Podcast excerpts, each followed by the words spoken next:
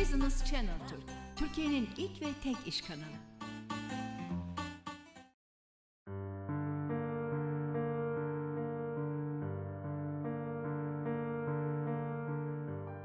Merhabalar, Doktor Cakçakil Ameliyat Arası programına tekrar hoş geldiniz. Business Kanal Türk'te yine beraberiz.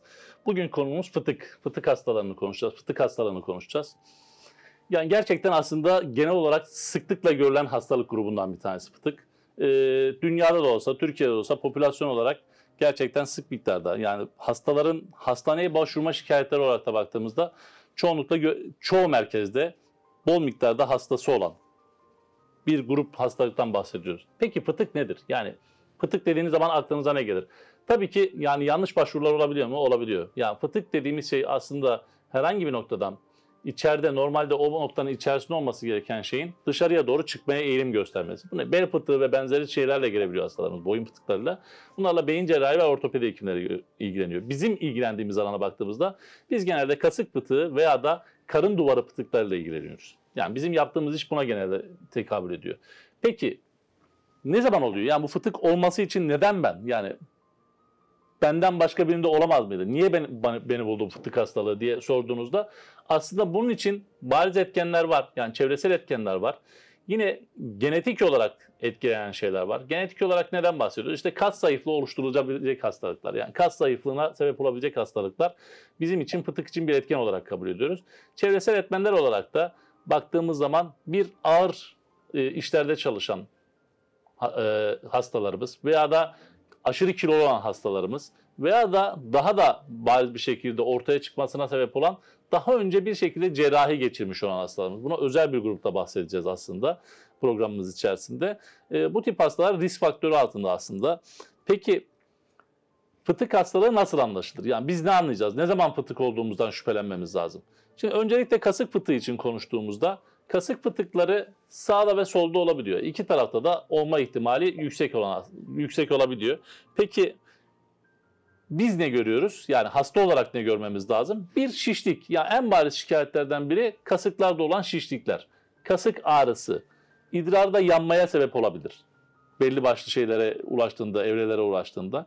Bu tip kasıkla ilgili yani kasık bölgesinde olan şikayetler olan hastalarımız yine ilgili uzmana başvurmak durumundadır.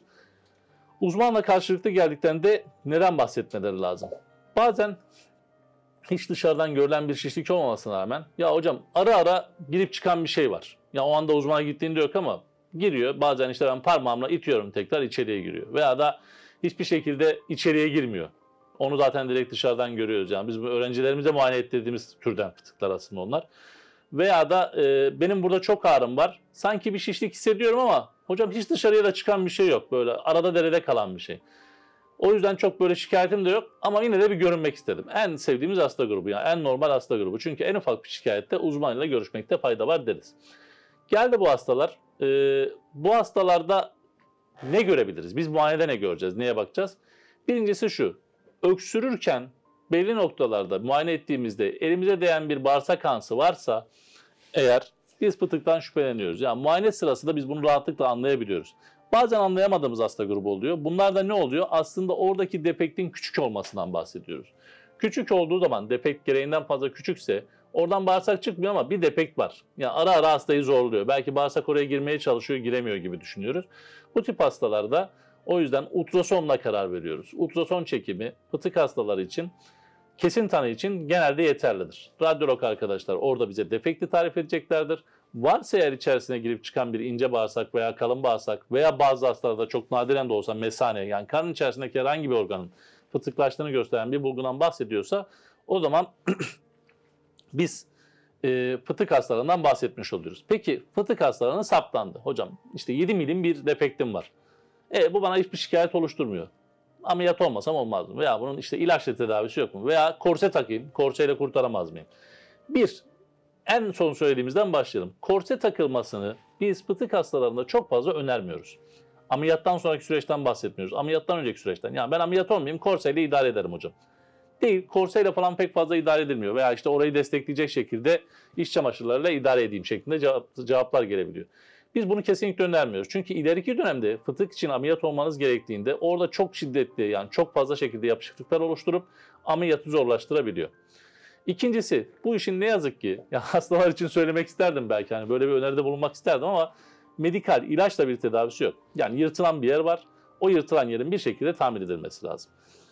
Üçüncüsü de cerrahi tedaviyi karar vermek lazım. Yani cerrahi tedavi olacak ama zamanlı hocam hemen olmak zorunda mıyım? Yani klasik sorulardan biri de budur. Tamam ben fıtık hasta ameliyat da olayım hocam. Tamam ameliyata da bir düşüneyim ama atıyorum yarın olmak zorunda mıyım?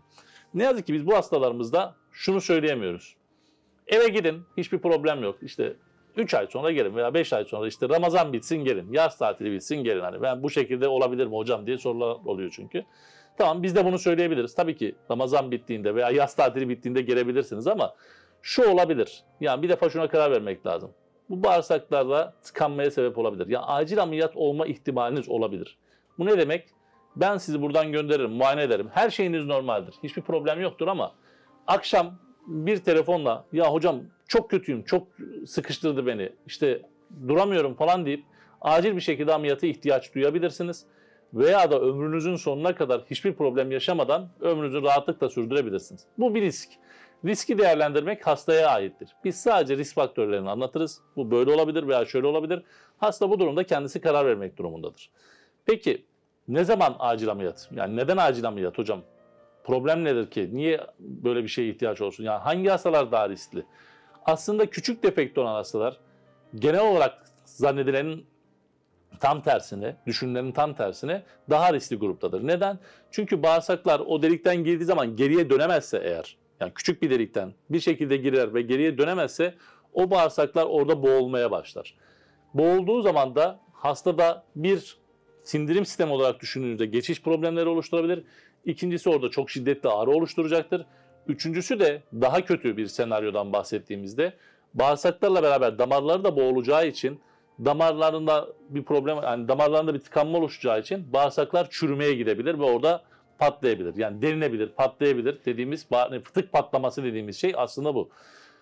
Böyle bir tabloda tabii ki normal bir fıtık ameliyatından bahsetmiyoruz. Yani bu olayın en kötü halini çizdiğimiz zaman senaryoyu normalde standart geldiğinizde olacağınız fıtık ameliyatının oluşturacağı tabloyla acil şartlarda oluşturacağın, olacağınız fıtık ameliyatının oluşturacağı tablo arasında fark olabiliyor ne yazık ki. O yüzden doğru şartlarda, doğru zamanda hızlı bir şekilde olabilecek en müsait zamanda ve en hızlı şekilde ameliyat öneriyoruz bu tip hastalara. Peki ne ameliyatı? Na- Nasıl ameliyat olacağız hocam? Açık mı olalım? İşte laparoskopik mi olalım? Laparoskopinin iki tane yöntem var. İşte biri dışarıdan yapıyorlar, biri içeriden yapıyorlar. TAP dediğimiz yöntem, TEP dediğimiz yöntem. Önemli olan şu. Yani şuna karar vermek lazım. Biz genel cerrahlar olarak da, meslektaşlarımız olarak da her zaman aramızda konuştuğumuzda şunu söyleriz. Sizin istediğiniz ameliyat yöntemi tabii ki önemli. Yani hastanın istediği tabii ki önemli. Ama hastaya uygun olan ameliyat nedir? Ona karar vermek lazım bir. İkincisi de size ameliyat edecek yani ameliyat etmesini istediğiniz genel cerrahın hangi ameliyattaki tecrübesi daha iyidir? Buna iyi karar vermek lazım. Yani cerrahın da kendi tecrübeli olduğu ameliyatı yapıyor olması lazım. Sizin de size uygun ameliyatı tercih ediyor olmanız lazım. Yani size uygun olan neyse genel cerrahınız, hekiminiz size ne öneriyorsa onunla karşılıklı konuşup karar vermekte fayda var. Peki farkı ne? Yani açık veya kapalı. Kapalı ameliyat olsam daha iyi olur mu? Açık ameliyattan kaç gün kalıyorum? Fıtık hastaları için konuştuğumuzda ameliyattan sonra genelde ertesi gün taburcu oluyor bu tip hastalarımız. Yani iki gün yatmasına genelde gerek olmayan hastalarımız.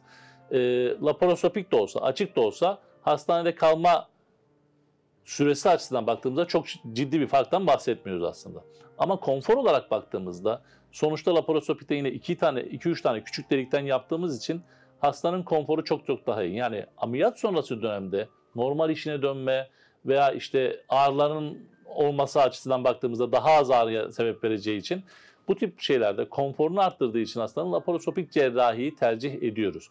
Ama hasta bir şekilde genel anestezi almıyor. Dedik ki hastanın uygunluğu önemli. Yani tam biz laparoskopik cerrahi genel olarak öneriyoruz e, arkadaşlarımızla beraber ama hastanın genel anestezi almasında problem var.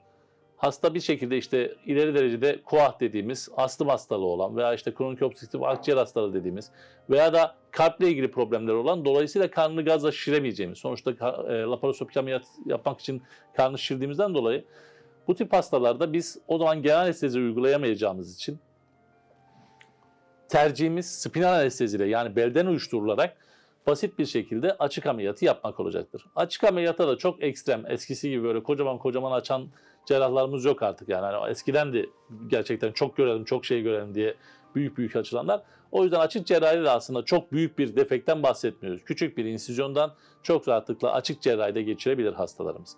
Tekrar söylüyorum. Önemli olan tabii ki hastanın konforu, tercihi bunlar önemli. Yani genel olarak laparoskopik cerrahi biz de öneriyoruz. Hastalar da genelde geldiklerinde isti- istiyorlar. Fakat e, açık cerrahi, şey, kapalı yani laparoskopik cerrahi uygun olmayan hastalarda da açık cerrahi uygulanmaktan da çekinmemeliyiz. Yani bu kesinlikle yanlıştır dediğimiz bir yöntem değil. Peki göbek pıtığı ne? Tamam biz kasık pıtıklarından bahsettik. Bir de göbek pıtıklarımız var. Göbek pıtığı dediğimizde arkadaşlar göbekte zaten az çok yani herkes kendi kendini muayene ettiğinde de az çok algılar. Böyle girip çıkan yine küçük böyle bir ya karın içerisindeki yağlı doku girer çıkar ya ince bağırsaklar girer çıkar. bu tabloda bu hastalarda e, kullan, muayene ettiğinizde bariz bir şekilde hissedeceğiniz bir fıtıktır. Onun için ultrasona bile genelde gerek duymuyoruz göbek fıtıklarını saptarken.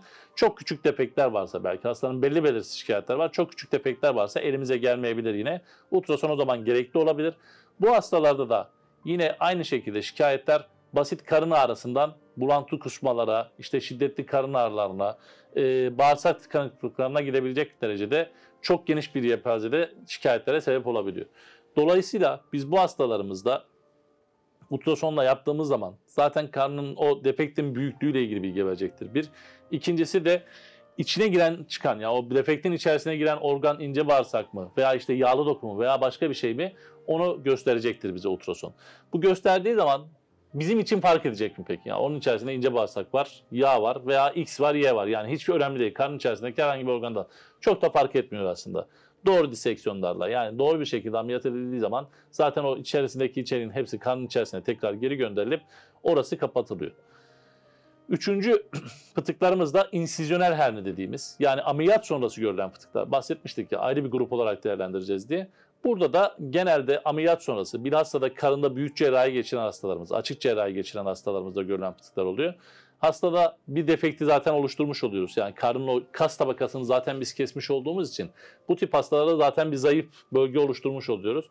Hasta da postop yani ameliyat sonrası dönemde dikkat etmez. İşte aşırı basınç uygulayacak şekilde çok şiddetli öksürükleri olabilir veya ağrı kaldırabilir veya benzer şeyler yapabilir. Bu tip tablolarda oradaki o dikişlerin atmasına bağlı olarak görülen fıtıklardan bahsediyoruz. Yine göbek fıtığında da açık ameliyatlara bağlı olan insizyonel hernelerde de e, ameliyatları erken dönemde uygulamakta fayda görebiliyoruz. Göbek fıtığında, kasık fıtığında bahsettiğimiz gibi defektin büyüklüğüyle oluşabilecek komplikasyon oranı giderek küçülüyor. Çünkü dediğimiz gibi defekt ne kadar küçükse içeriye giren şey dışarıya dönemeyebilir. Yani sıkışma ihtimali daha yüksek olduğundan dolayı bu tip hastalarda acil ameliyat gerekebilir. Dolayısıyla defektin büyüklüğü aslında yine bilinenin aksine bizi rahatlatan şeylerden biri. En azından bu hastanın çok da acil bir ameliyat olmasına gerek kalmayabilir şeklinde bir düşünceye kapılmamıza sebep olabiliyor. Yine ama hasta en uygun şartlarda en hızlı şekilde ameliyat için yönlendiriyoruz bu hastalarımızı da. Peki e, hocam yama kullanmak zorunda mıyız? Herhangi bir fıtık hastası için. Dikseniz olmaz mı? Ya o orada bir defekt var. Sonuçta bir delikten bahsediyorsun. O deliği dikin, bitsin bu iş gibi şeylerden bahsediliyor. Hayır, genelde bu hastaların hepsinde yama kullanıyoruz. Yamayı neden kullanıyoruz ama? Yamada, yamayı kullanmaktaki hedefimiz şu değil.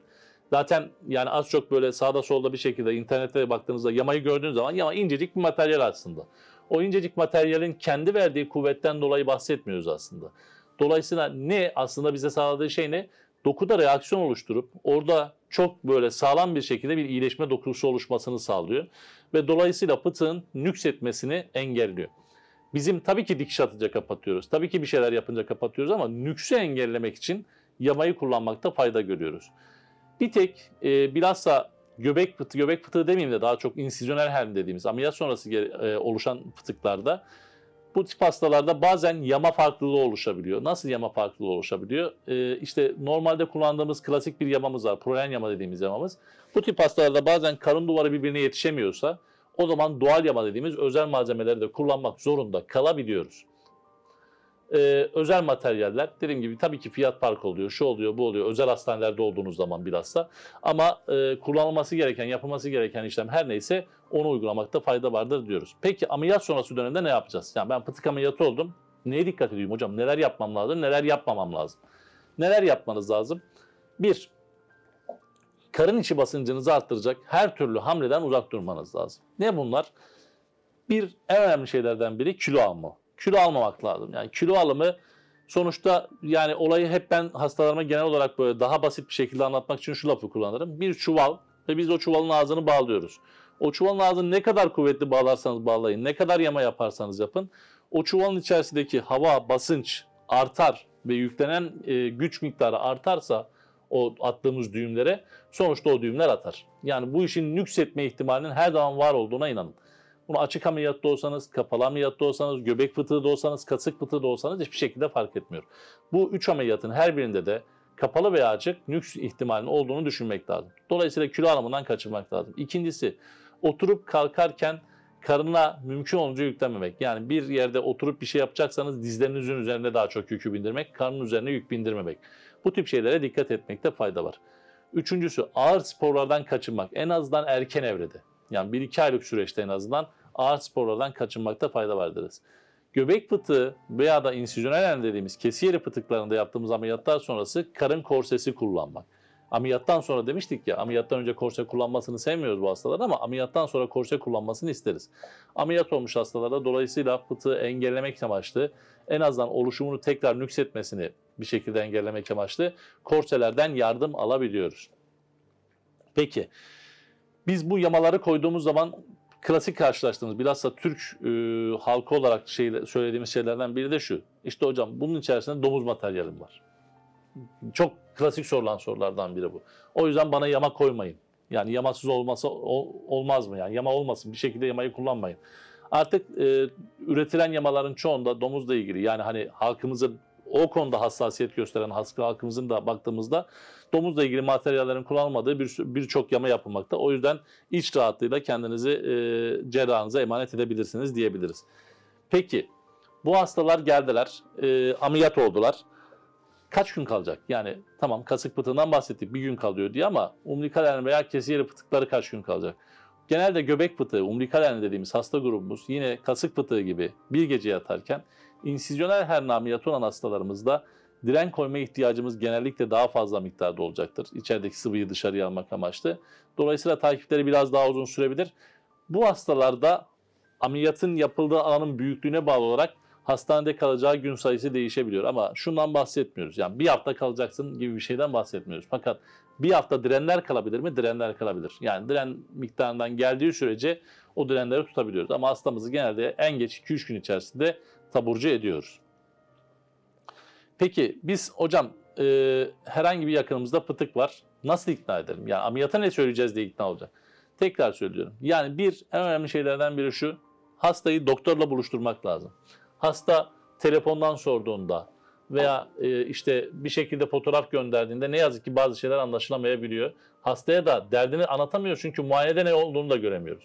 Hastayla yüz yüze geldikten sonra net bir şekilde açıklayarak nelerle karşılaşabileceği, biraz acil hastalarımız için konuştuğumuzda nelerle karşılaşabileceğini anlatıp buna göre hastayı yönlendirip cerrahi operasyon hazırlığını yapmakta fayda var. Peki hocam acil ameliyat olduk. Ya acil ameliyat ihtiyacımız oldu. Tamam ben bir yanlışlık yaptım. Fıtık dediler bana, ameliyat dediler ama çok da önemsemedim hocam.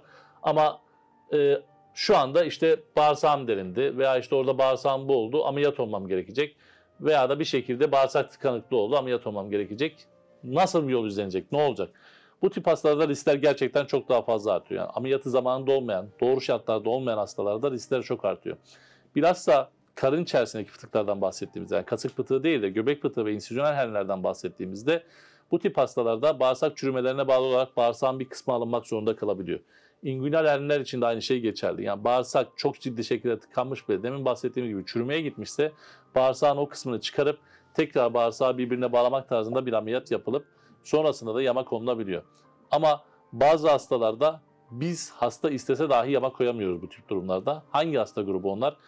Karın içi çok fazla kirlenmiş. Yani karın duvarında gelmiş bağırsaklar burayı doldurmuş tamamen ve bağırsak orada delinmiş. Orası da çok ciddi manada kirlenmiş tabloda. Yani enfeksiyon bariz bir şekilde var. Biz bu hastalarda bazen bağırsağı dışarıya alma tarzında geçici olarak ameliyatlara bile başvurabiliyoruz. Dolayısıyla orada enfektif bir alanda tekrar yabancı bir cisim olarak yamayı koymak çok doğru bir yöntem değil. Çünkü Bu enfektif alanda yamaya karşı oluşacak reaksiyonda yamanın kabul edilememesi gibi bir ihtimal de var. Vücudun yamayı kabul etmemesi. Dolayısıyla biz bu hastalarda öncelikle ana problemi halledip, burada artık ana problem fıtık olmaktan çıkıyor. Bağırsağın delinmesi haline gelmiş oluyor çünkü. Bağırsakla ilgili o kısmını halledip daha sonra ikinci veya üçüncü seansta, bağırsak tekrar söylüyorum dışarıya alınmışsa üçüncü seans belki, üçüncü seansta fıtık ameliyatını gerçekleştirebiliyoruz. Onun haricinde başka sorduğunuz sorulara bakıyorum. Ee, ilaç olarak neler veriliyor hocam? Yani ben ağrı kesiciyle devam edebilir miyim şeklinde bir şeyden bahsedenler var. Ağrı kesici erken dönemde tabii ki ağrıyı giderecektir. Yani ağrı kesme amaçlı kullanabilirsiniz. Kasığınızda ağrınız var kullanabilirsiniz. Bunlar şey ama ağrı kesiciyi aslında biz bu tip hastalarımızda çok da ciddi manada önermiyoruz. Neden diye derseniz bu hastalarımızda bizim için alerti edici olan şeylerden biri aslında kasık ağrısı. Yani bilhassa da boğulmuş fıtıklarda falan bahsettiğimizde kasık ağrısından bahsediyoruz. O yüzden ağrı kesici tedaviyi çok önermiyoruz. Bir iki hastamızın sorusu da şöyle. Hocam e, testislerimde şişme var. Yani testislerime kadar vuruyor. Bu benim cinsel hayatımı etkileyecek mi? Ameliyat olunca cinsel hayatım etkilenecek mi? Veya? Bu tip şeylerden bahsediyorlar. Bilhassa skrotal herni dediğimiz yani kasık fıtıklarının daha da ilerlemiş hali olarak testislerin aşırı derecede şişmesine bağlı olarak görünen fıtıklarda e, baktığımız zaman cinsel aktivitenin azalabileceğini söyleyebiliriz. Ameliyat sonrası cinsel aktivitede bir problem olur mu hocam? Bununla ilgili problem yaşar mıyız gibi bir sorular var. Orada da yani genel cerrahınızın tecrübesine binen fıtık ameliyatları bizim için genel olarak baktığımızda çok ekstrem ameliyatlar değil. Ee, standart ameliyatlar. Genelde tüm genel cerrahların yapabildiği basit ameliyatlar grubuna giren ameliyatlardan. Dolayısıyla doğru şekilde ameliyat olduktan sonra oradaki sinirler ve e, belli başlı damarlar korunduktan sonra aslında cinsel olarak herhangi bir problem yaşanmayacağı söylenir. Ama komplikasyon mudur? Tabii ki bu komplikasyondan da bahsetmek lazım. %100 olmayacak lafını kullanmak tekrar söylüyorum doğru değildir. Dolayısıyla bu tip bir problemle de binde bir de olsa, on binde bir de olsa kendi istatistiklerine bakarak hekim arkadaş hastayı bilgilendirmek zorundadır. Bu tabloda bahsedeceğimiz başka bir şey kalmadı gibi düşünüyorum. Sorduğunuz sorularına da bakıyorum. Çok fazla bir şey yok gibi. Çok teşekkür ediyorum tekrar. Ee, sağlıklı günler diliyorum. Bir sonraki programda görüşmek üzere.